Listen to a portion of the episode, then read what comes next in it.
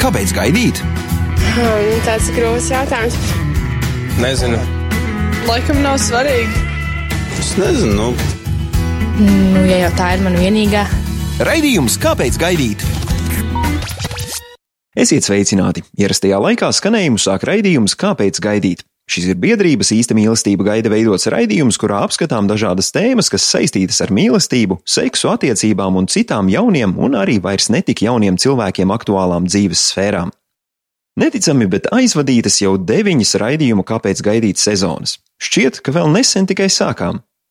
Gadu gaitā raidījumu vadītāji ir mainījušies, bet šo sezonu, tā sakot, uz maiņām vadījām mēs, es Viesturs Knopkens un mans kolēģis Dainis Pandars. Šī sezona bija atšķirīga no citām ar to, ka sakarā ar mums visiem labi zināmajiem pretvīrusa drošības pasākumiem vairāki raidījumi tika aizvietoti ar atkārtojumiem no iepriekšējām sezonām. Arī šajā reizē savā ziņā dzirdēsim kādus atkārtojumus, taču no šīs sezonas. Kopīgi noklausīsimies vairākus, manuprāt, interesantus fragmentus no intervijām, tematiskajiem raidījumiem un sarunām ar pāriem. Sāksim ar dažiem fragmentiem no pāru sarunām. Jana un Kristaps Kalniņi Viņi savu kāzu dienu piedzīvoja Latvijai zīmīgā datumā 18. novembrī. Viņu stāsts ir interesants arī ar to, ka draudzības laikā viņiem šķita, nē, mēs tomēr neesam viens otram īstie. Mēs uh, sākām draudzēties, tas bija kaut kur divi gadi atpakaļ. Mm -hmm. um, braukājām uz, uz Latgali, mm -hmm. braukājām vēl kaut kur uz, uz, uz vidzemi, un tādā ziņā runājāmies mašīnā, kaut ko un, un ciemojāmies viens pie otra, vien vairāk. Uh, Un, un tam man pēkšņi parādījās iespēja aizbraukt pastrādāt uz ārzemēm. -hmm.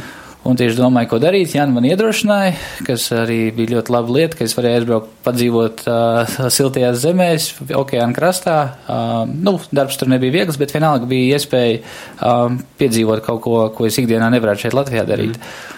Un es ar tādu domu tur aizbraucu, es sapelnīšu naudu, man Dievs tur atbildēs, tāpēc, ka man tur beidzot būs dienā uh, daudz brīva laika, ka es varēšu iet tur lasīt un lūgt, un, un, un. Dievs viss atklās, un es atbraukšu atpakaļ, un mēs precēsimies.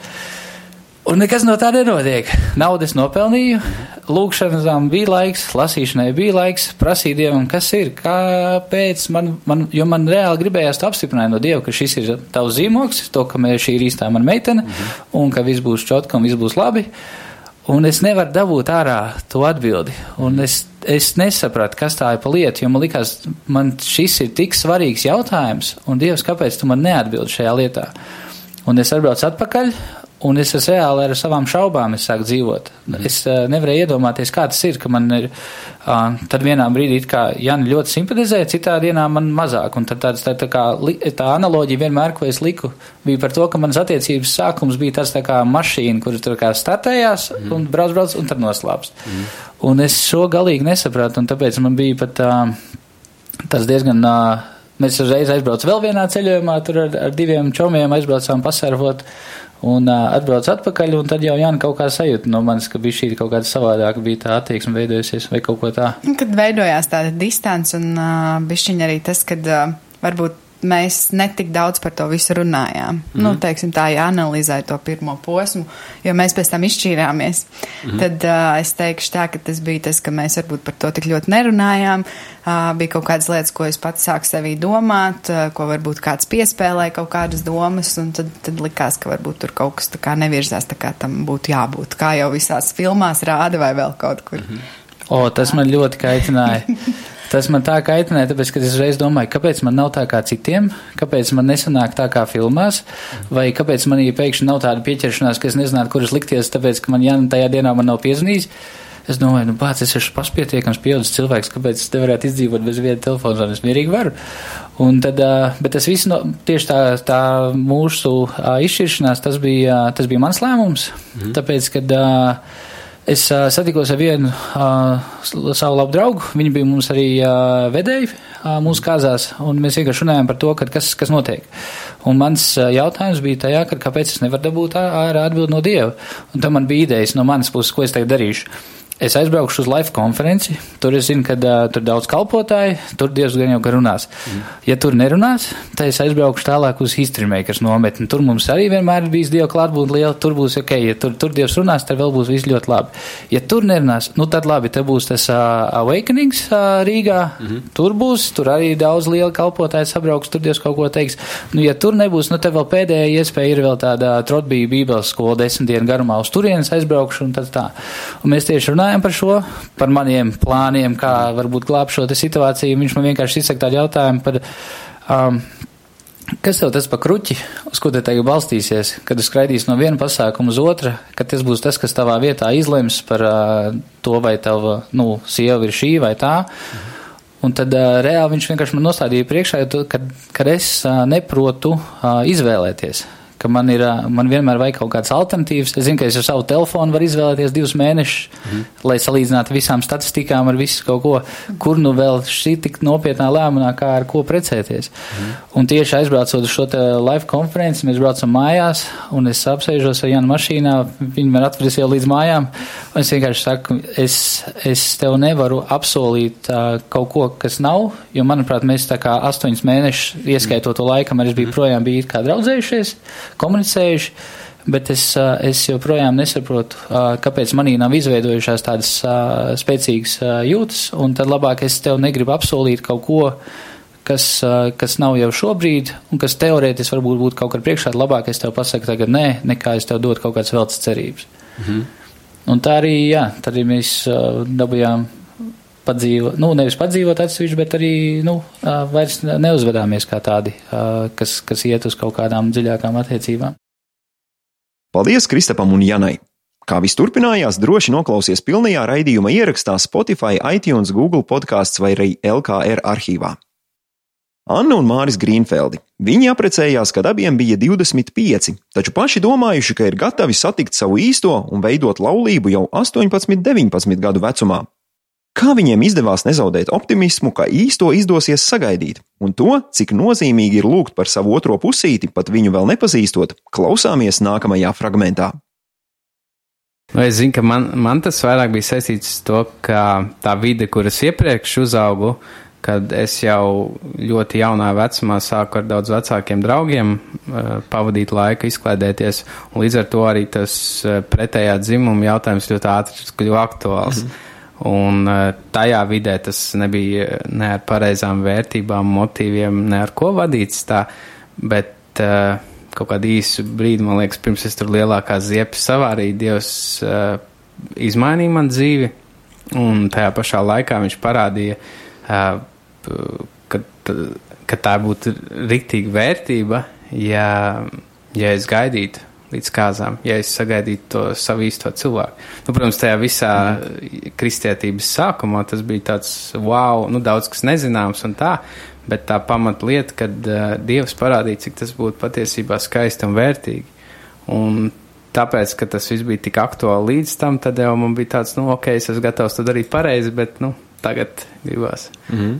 Bet uh, tā, ka kaut kādas apvainošanās par to nebija īsti, jo tad bija tāds arī diezgan aktīvs laiks, eh, daudz visādas nometnes, visādi projekti ar, ar draugiem, ar jauniešiem, ko mēs eh, rīkojām, taisījām, kur palīdzējām, kur kalpojām, un tad, tad īsti nemaz tik tā nedomāju par to. Nu, protams, tu redzi, ka tur ir kādas jau, bija jau tāds uh, radars mazliet ieslēgts, mm -hmm. ja, ka tu jau, nu, tu reāli skaties, un kā, kādas meitenes ir, kā viņas uh, kalpo, kā, kādas viņa, kāds raksturs, kā uzvedās, kā pret citiem attiecās, un, nu, mazliet jau tā piemetāts. Mm -hmm. mm -hmm. Tev varbūt kaut kādas tur Jā, panika es... sākās. Nē, panikas nebija, jo, es, kad es biju nometnē, pati nometnē, man bija 11, 12 gadi, man grupas līdere, tad, nu, vecāka pieredzējuša sieviete teica, ka sāciet jau tagad lūgt. Man un bāz man ir 11 gadi, es tur nezinu, ar barbiem vēl spēlējos, nu kaut kas tāds, un man jau saka, lūdzu par savu vīru. Mēs tā, nu labi, lai, ja saka, tad jādara tas. Nu tā tas bija varbūt ne tik apzināti, ka kādreiz satikšu to savu vīru, bet, nu kā punktiņš, ko jā, jālūdz Dievam savā lūkšanā, nu tas bija tāds punktiņš. Un, nu, to es darīju tā kā no tiem 11, 12 gadiem. Un sanāca, ka nu, varbūt drusku vēlāk, nu, bet tik un tā es to darīju, un tagad runājot, vai pirms tam runāt ar Māri, ka tieši tas viņa posms, kad viņš bija ar to nepareizo kompāniju, arī iekrita tajā brīdī, kad es lūdzu par savu vīru tajos mm. pusauģu vecumā. Nu, un tajā mēs arī redzam, ka nu, tiešām Dievs viņš zina, viņš dzird katru lūkšanu, un viņš tiešām gatavo mūs katram priekš, viens priekš. Vienu priekš otru. Tieši tā, jā. jā. Un, nu, tas ir ļoti forši, un ko Māris minēja par to kalpošanu, ka, nu, tiešām, ok, gadi iet, un nekādas apvainošanas nav, jo, nu, tu tiešām zini, ka Dievs, viņš ir uzticams, ka viņš to darīs, un, bet arī no savas puses, nu, kaut kas arī jādara, nu, tā kā, kā arī Māris teica, ka jāiesaistās kalpošanā, kur, mm -hmm. tu, kur tu kalpo, tu redzi, kā citi kalpo, ir iespēja iepazīties vispār ar cilvēkiem, un, nu, tā, un arī ieguldīt sevī, ka šis laiks, kas tev dos, tiešām tu vari pilnveidoties, veicināt savas attiecības ar Dievu, kļūt par labāku personu, kļūt par labāku priekš sava vīra. Nu tā, ka tiešām tas laiks, kas, kamēr tu neesi saticis savu to īsto cilvēku, nu ir priekš tevis, lai tu pilnveidotos un kalpotu. Un... Gribu teikt, ka nevienu vakaru pat neraudāja. Būs vīrs vai nebūs? Nu, varbūt brīžiem nācās rudenī, bet tā ne. Bet man liekas, arī tas, ko viņi pieminēja par to, ka sakrita tie laiki, kad viņi sāka lūgt, un kad es izgāju no tās vidas, kur bija tas, nu, man tajā laikā man likās, vat, kādā veidā es tur izgāju cauri sveikā, nu, jā, un tagad kaut kā nu, tās, tā puzli mazliet saliekās kopā. Paldies Annai un Mārim! Vēl kāds pāris, ar kuru sarunājāmies šajā sezonā, bija Beāte un Dāvis Pēterkopi. Dāvis pirmo reizi Beāti satika, kad viņai bija tikai 14 gadu. Tūlīt dzirdēsim, kā šīs attiecības veidojās. Jā, nu, tas nav pārsteigums. Mēs satikāmies draudzē. Tā vispār ir laba vieta, man liekas, kur iepazīties ar, ar foršām meitenēm. un mūsu draudzē ir bijuši gadījumi arī, kad kādi puiši atnāk tikai tāpēc, ka ir foršas meitenes mums, bet pēc tam viņi arī paši piedzīvo dievu un kļūst par stipriem kalpotājiem. Bet tas tā, jā, mēs iepazināmies draudzē. Man šķiet, ka mēs īsti nevaram atcerēties to dienu vai mirkli, kā tas notika, jo mūsu gadījumā nebija tas pirmais saskatīšanās moments un tā iemīlēšanās no pirmā acu skatiena, jo, kad mēs iepazināmies, Beāta bija pavisam jauna, bet es biju diezgan jauns, jā. Un, nu, tā... nu, cik, cik tad gadījums bija? Man bija 20 laikam, tad. Es domāju, ka tā pirmā vispār, ka mēs iepazināmies, bija krietni, krietni ātrāk, jo tu jau draudzē sāk nākt no 14 gadiem. Es šodien... es jau... Jā, es tā sāku domāt, ka laikam es biju draudzē bijusi sešus gadus pirms mēs sākām draudzēties. Pirms mēs sākām tā kā draudzēties, tas nozīmē, ka iepazināmies mēs jau ātrāk, bet tā, nu, tā nopietni draudzēties mēs sākām tātad trīs gadus atpakaļ. Mēs uzsākām draudzību, pusotru gadu esam laulībā. Jā, un tad jautājums ir, kā tad mēs satikāmies, vai kā mēs. Jā, tad, tad interesanti, cik jums ir gadu starpība?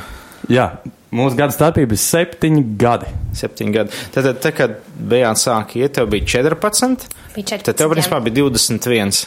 Jā, tas un, un tad uz tādām 14 14 gadīgām tu neskatījies, ja? es, es tādām 14 gadīgām neskatījos. Man šķiet, ka tas nebūtu ļoti prātīgi. Lai gan, laikam, Marija, es gan savus ieraudzīju 14 gados. bet es nezinu, vai tev bija tajā laikā jau. Nu, man bija, 18. man, man, man bija 16, viņai bija 14. Līdz ar to es biju tuvāk tam, tam vecumam. Jā, jā. Un, un tā pa šiem, nu, Sep, cik, cik tad pagāja gadi līdz, nu, jūs sākat raudzēties seši? Ap, ap, aptuveni seši, jā. jā. Un te par šo laiku tev pilnīgi nekāda reakcija, tur staigā tev potenciālā sieva, bet tu viņu vispār neredzi, vai kā tev bija? Mēs diezgan daudz kopā noteikti kalpojām dažādās kalpošanās, un uh, to, ka viņa ir uh, uzticama, forša, jauka meitene, to es uh, noteikti pamanīju. Uh, Bet uh, man nebija līdz tam nekādu tādu domu par to, ka, lūk, tur, tur tā blondā meitenīte būs mana sieva. Tā noteikti man nebija. Jo tas varbūt vairāk saistīts arī ar manas paša to personības attīstību, es domāju. Jo tagad, tā skatoties atpakaļ, es uzskatu, ka līdz 25 gadu vecumam es vispār nebiju gatavs nekam tādam. Ja? Un patiesībā pat man šķiet, ka līdz pat 25 gadu vecumam es pat tā ļoti nopietni nedomāju par to, kad es uh, varētu tuvākajā laikā iesturēt laulības ostā vai kas uh, tam līdzīgs, jo uh, ap 20 gadu vecumu nedaudz pēc es tikai tā nopietni sāku uh, veidot attiecības ar Dievu, un man bija diezgan svarīgi izveidot stiprus pamats ar viņu, pirms es uh, sāku veidot kādas attiecības ar, uh, ar kādu citu. un, un tev, vai tu biji pamanījusi dāvi? Jā, nu, es viņu biju pamanījusi kā kalpotāju, un jāsaka godīgi, ka tajā laikā, pirms mēs sāk, sākām draudzēties, es viņu laikam redzēju kā tādā citā līmenī. Viņš bija tāds viens no vadošiem kalpotājiem draudzē, un es biju tajā laikā tāda maza meitene. Tāpēc man pat laikam neienāca prātā, kad vienu dienu mēs varētu arī apprecēties. Tu pat tā, varē, nu, tā neiedomājies, ka nu, kaut kas tāds varētu vispār Jā, notikt. laikam tā. Aha. Tā kā princis baltā zirgā. Bet kas tad sāk izmainīties? Kurā brīdī jūs sākāt pamanīt, ka kaut kas tur ir vairāk kā tikai lielais varnais kalpotājs un mazā blondā meitenīte? Paldies, tev, ka tu tā uzbar to ainu, un tagad uh, klausītāji pie radio tad redz un visu vizualizē tā.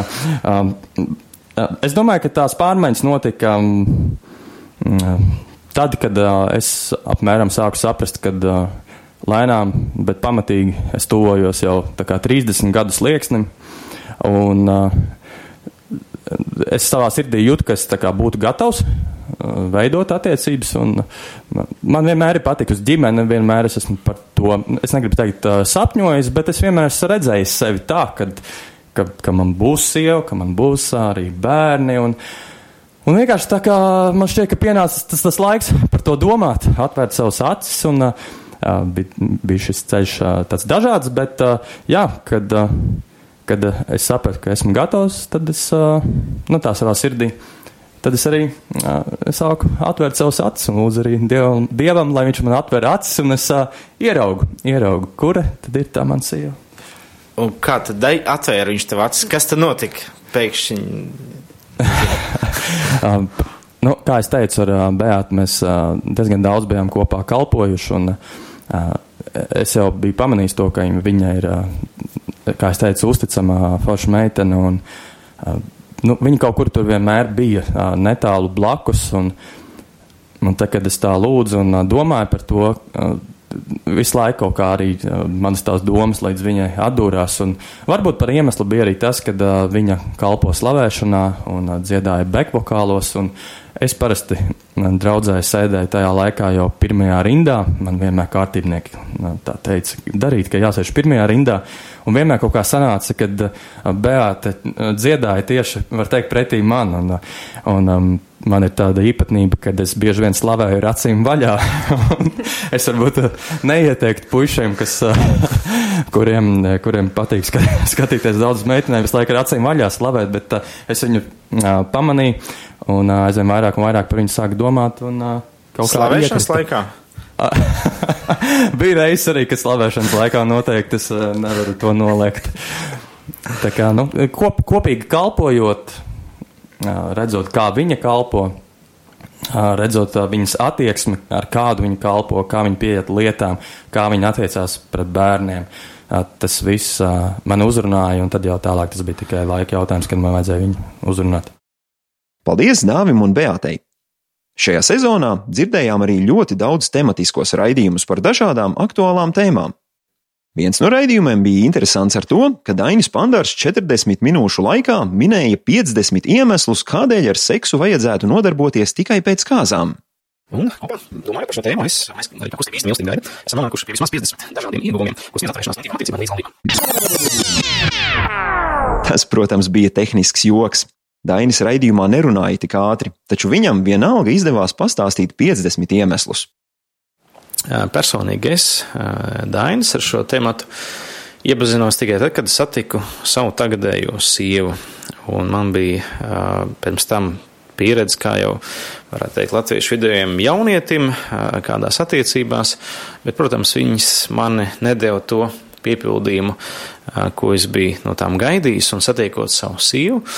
Es sapratu, ka man pagātne ir mana sāpina, mana sieva, un mums vajadzēja izrunāt šīs lietas. Un es sapratu, ka kaut kas līdz galam nav kārtībā ar to informāciju, ko es biju saņēmis, kad es vēl biju jaunietis un mācījos skolā. Un ar to tajā laikā nebrauc uz skolu organizācijas, kas stāsta, ka ir jāgaida, bet brauc organizācijas, kas stāsta, nu, Pat to vispār nebija runa. Vienkārši tad, kad jūs to darīsiet, lietojiet prezervatīvu. Um, bet, uh, bet es redzu, ka, diemžēl, šīs prezervatīvas nepasargāja uh, manas jūtas, manas atmiņas, um, dažādas vēl citādas lietas. Uh, un tāpēc bija svarīgi man šī izrunāšanās ar savu sievu, un mēs noņēm, nolēmām, ka mēs savās attiecībās gaidīsim līdz laulībām. Un, un, tam, un es esmu redzējis ļoti daudz pozitīvus efektus tam, kad es to darīju, bet es zinu jauniešus, kas, kuriem nav nekad bijušas attiecības, un tā pirmā reize ir laulībā. Bet tāpēc šodien es gribētu tomēr iziet cauri šiem 50 iemesliem, un, un, un te mēs nerunāsim par reliģioziem iemesliem, te mēs runāsim par piecām sfērām - par fizioloģiskiem aspektiem, emocionāliem aspektiem, psiholoģiskiem aspektiem, sociāliem, jeb attiecību aspektiem un par ētiski morāliem aspektiem. Tātad viss šīs lietas, jebkurš cilvēks no jebkuras reliģijas var saprast, ticības vai pārliecības, un līdz ar to, un tie ir arī maksimāli esmu meklējis balstu, atbalstu dažādos pētījumos. Nu ko, ķeramies klāt. 50 pozitīvi iegūmi, ko sniedz atturēšanās no intīmām attiecībām līdz laulībām. Kādi ir šie iegūmi? Noklausies pilnajā raidījuma ierakstā Spotify, iTunes, Google podkāsts vai arī LKR arhīvā, meklējot, kāpēc gaidīt. Dainis šajā sezonā mūs iepazīstināja arī ar desmit pārpratumiem un mītiem par gaidīšanu un laulībām. Mūsdienās nu, ir, ir jau īsti mīlestība gaida, jau nu, gandrīz kāds desmit gadus darbojās, jau vairāk kā desmit gadus. Un par šo laiku ir redzēts daudzi jaunieši, cilvēki, kas ir pārpratuši gan, gan šo gaidīšanu, pārpratuši um, dažādas lietas, un tāpēc gribētu šodien atkal no jauna visiem mums atgādināt, paskatīties, ko tad nozīmē īsta mīlestība gaida, ko nozīmē gaidīšana, ja, un, un kas ir tās tipiskās kļūdas, ko, nu, teiksim, savā darbā ar jauniešiem es esmu ievērojis. Tātad uh, pirmais, pirmā kļūda pārpratums, jeb mīts, ir par īsto cilvēku. Kas tad tas īsti ir? Tātad mūsdienās nu, mēs varam uh, dažādos veidos to īsto cilvēku idealizēt. Un, un bieži um, pārprast, ko tad īsti mēs gaidām. Tātad mūsu kustības nosaukums ir īsta mīlestība gaida, nevis īsto mīlestību gaida. Tātad, nu, tas, tas mēram abi, abas ir, taču uzsvers ir uz mīlestību, uz īstu mīlestību, kura gaida. Tad tas, tad tas pats svarīgākais ir, vai tevā sirdī ir tā īstā patiesā mīlestība, kura grib gaidīt, vai tevā sirdī atkal ir mīlestība, kura pat ja arī satiks to īsto, nespēj sagaidīt, ka viņi ir egoists vai iekāras pilni. Tad, tad runa ir par īstu mīlestību, kura gaida cilvēku, ar kuru tu aprecēsies. Tātad uzsvers ir nevis uz to īsto cilvēku, bet uz īsto mīlestību. Un līdz ar to, vai tev ir tā īstā dieva dotā mīlestība, vai viņa pietiekami šķīsta un tīra, lai tu sagaidītu to cilvēku, ar kuru tu aprecēsies. Līdz ar to nav tik ļoti svarīgi šis uzsvars īstais cilvēks, jo redziet, Uh, bieži vien cilvēki apmēram ar jauniešu iedomājas tā. Ja es satikšu īsto, tad viss beidzot būs kārtībā. Jā, taču tajā pat laikā uh, šis vārds īstais negarantē uh, to, ka jums attiecības būs kārtībā. Nu, piemēram, uh, nu, teiksim, Jēzus ir, ir nu, perfektākā personība visā universā. Viņš ir mīlestības pilns, taisnīgs un, un, un viņš ir īstais, jā, teiksim tā, visos standartos. Bet daudziem cilvēkiem joprojām ir draņķīgas attiecības ar viņu. Tad problēma nav, cik ideāls ir tas cilvēks, problēma tajā, cik pat, par, patei, par, pareizas attiecības man ir ar to īsto cilvēku. Cik tā ilst, mīlestība, kas manā sirdī ir pret viņu, ir, ir patiesa, dievišķa, šķīsta un tīra. Un tāpat, kam saka par īsto, nu, teiksim tā, tad, kad mēs aprecamies, tad mēs varam teikt, viņš ir mans īstais, jo līdz tam viņš ir tikai potenciāls īstais. Līdz ar to bieži vien mēs varam iekrist tādās lamatās, o, viņš ir mans īstais, es jau esmu sapratis no Dieva, un, un cilvēki jau vairs pārstāja turēt robežas un, un iekāp laulības pārkāpšanas grēkā. Savukārt viņš nav īstais, kamēr Dievs nav svētījis un nodalījis. Un, un tāpēc ir ļoti, ļoti svarīgi apzināties līdz kāzām, ik viens cilvēks ir tikai potenciālais īstais, jeb kandidāts uz īsto. Bet par īsto, jeb to vienīgo, viņš kļūst tā, ka jūs tiekat salauzāti.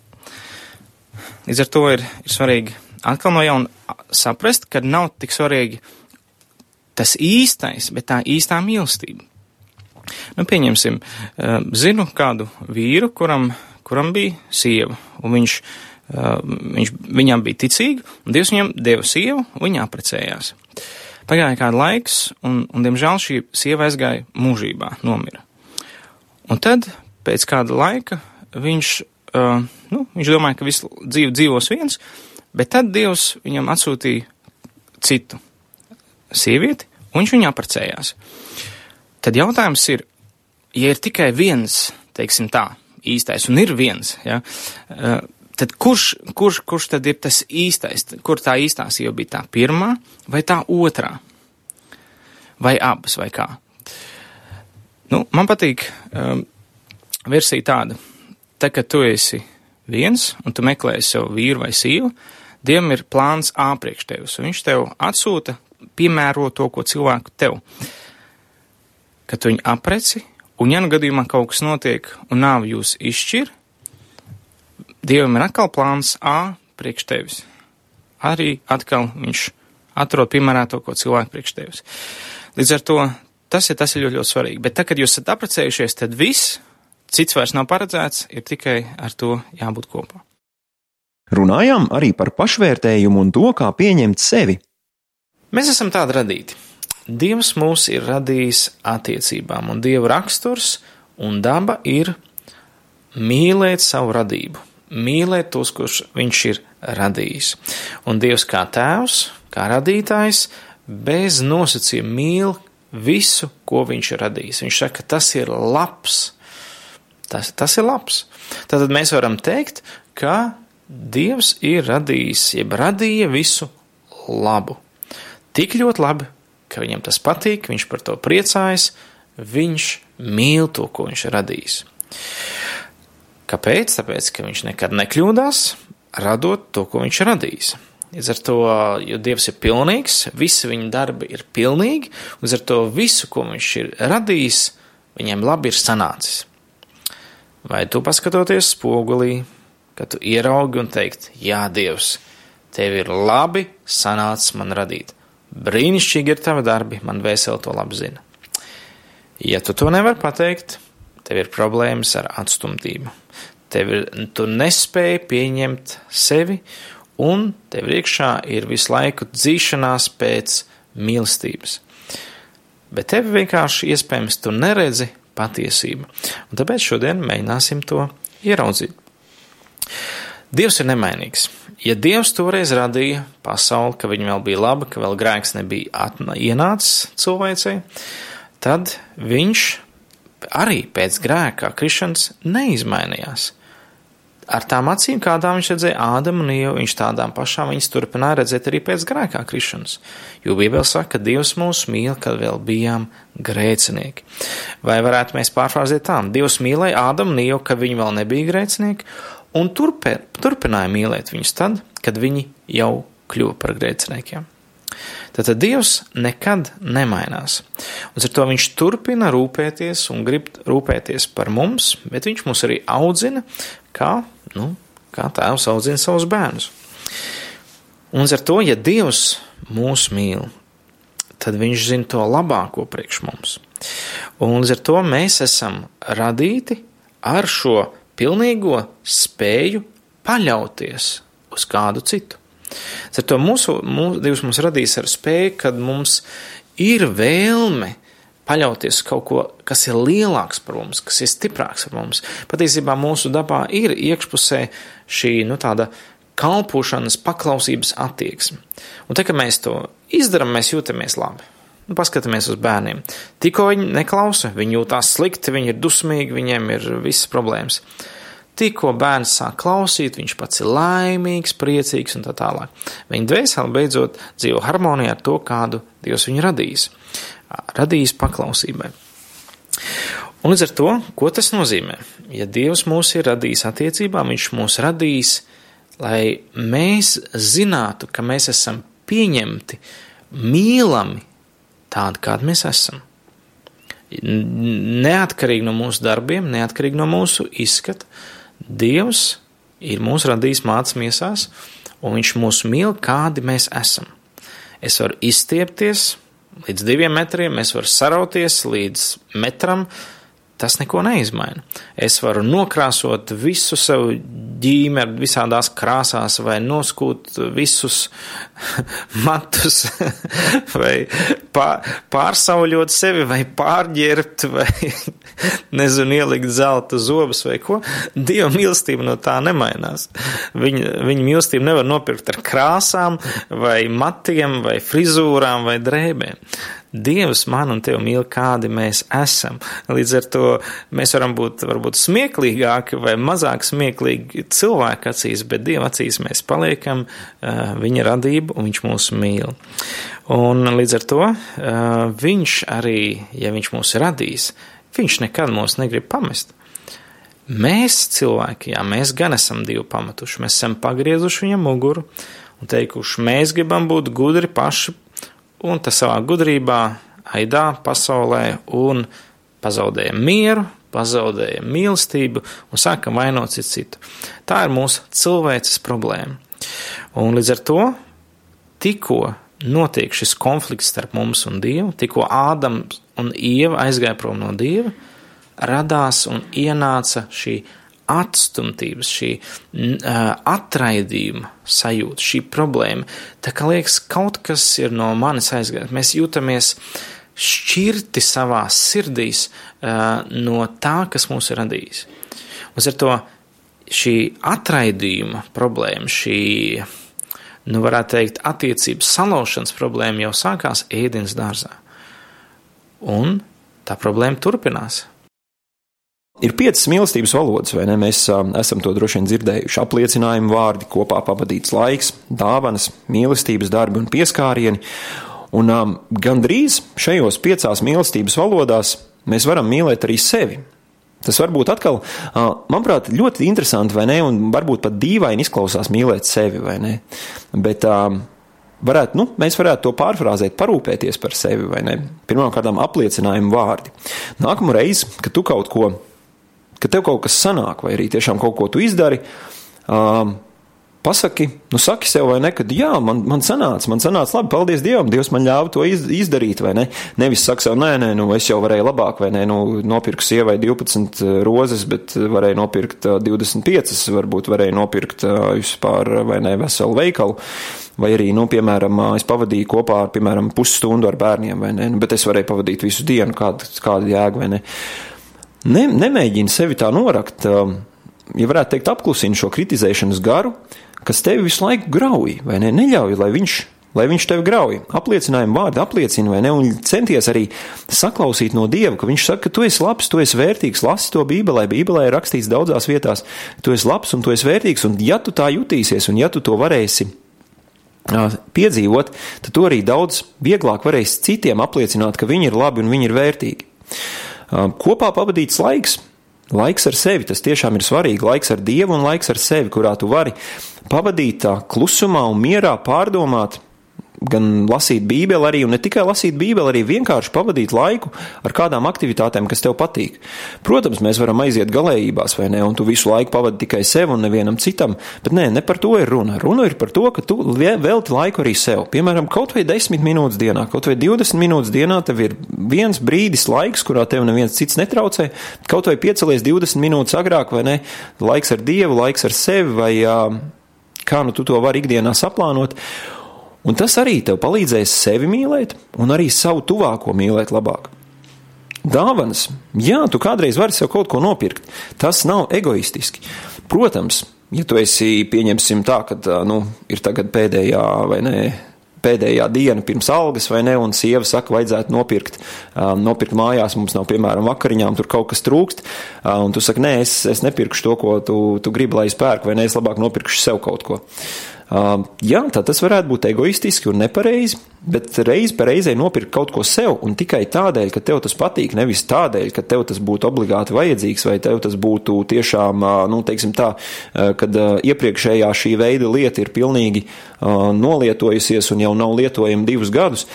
Um, atkal, protams, ja jūs klausāties man kādu laiku, vai ne, es vienmēr uz, uz, uzsveru to, ka runa ir par balansu. Mums ir jāspēj jāspēj, ja varētu teikt tā, turēties šim ceļam par vidu. Viens grāvis ir vai ne, ka mēs visu laiku sev pērkam kaut ko un tērējam naudu dažādos uh, niekos. Varbūt atkal šeit ir iekšā kāda sevis. Kāda sevis, nu, varētu teikt, mazvērtība vai sāpju, un mums liekas, ka nopērkot šīs lietas, mēs jutīsimies labāk. Bet uh, sevi ik pa laikam ar kādu dāvanu, pilnīgi mierīgi mēs varam arī apdāvināt.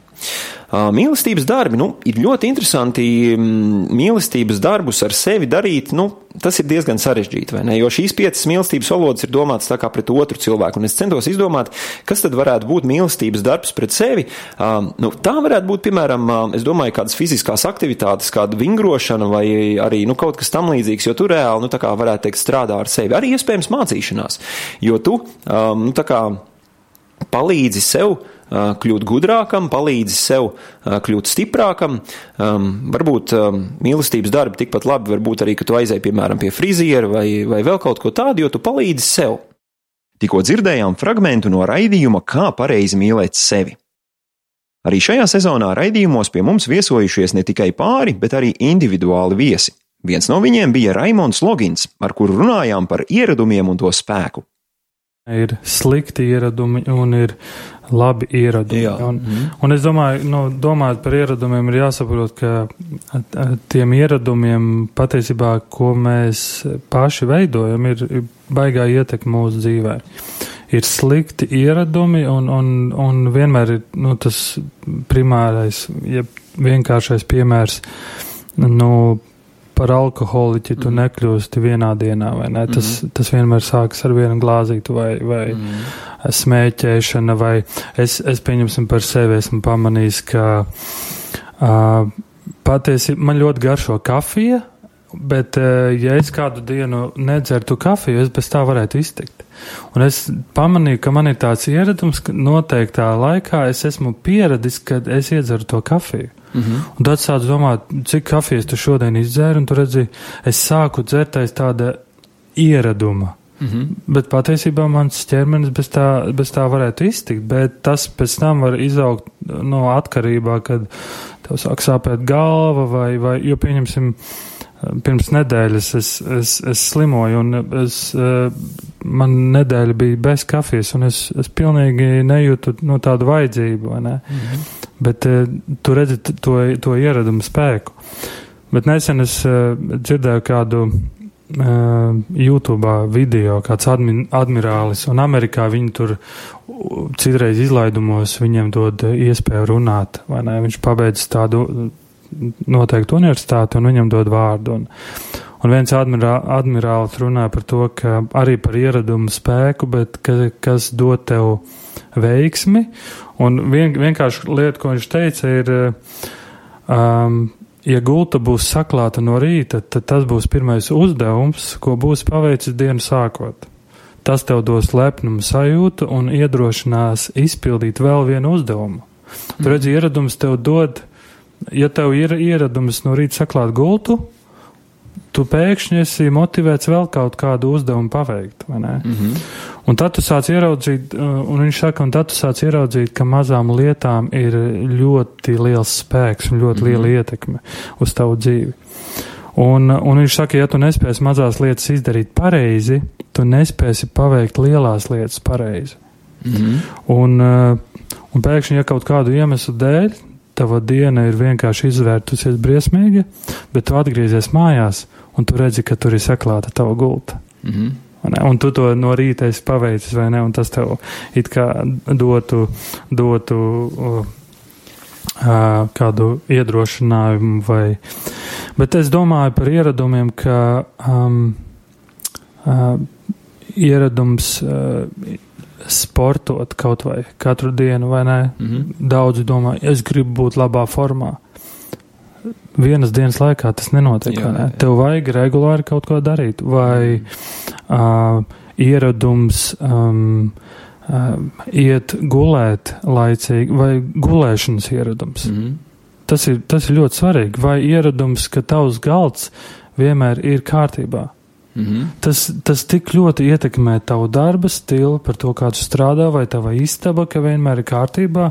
Un šāda veida ieradumi ļoti, ļoti patiesībā ietekmē tavu, tavu, tavu ikdienu un, un, un tavu dzīvi.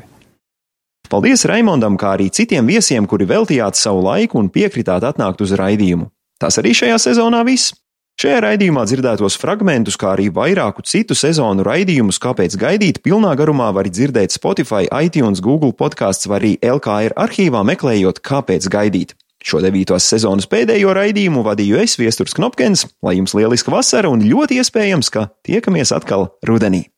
Šis bija raidījums Kāpēc gaidīt? Klausies to katru otrdienu, pulksten 18,5 minūtēs Latvijas kristīgā radio ēterā vai arī jebkurā tevērtā laikā internetā www. īsta mīlestība gaida LV.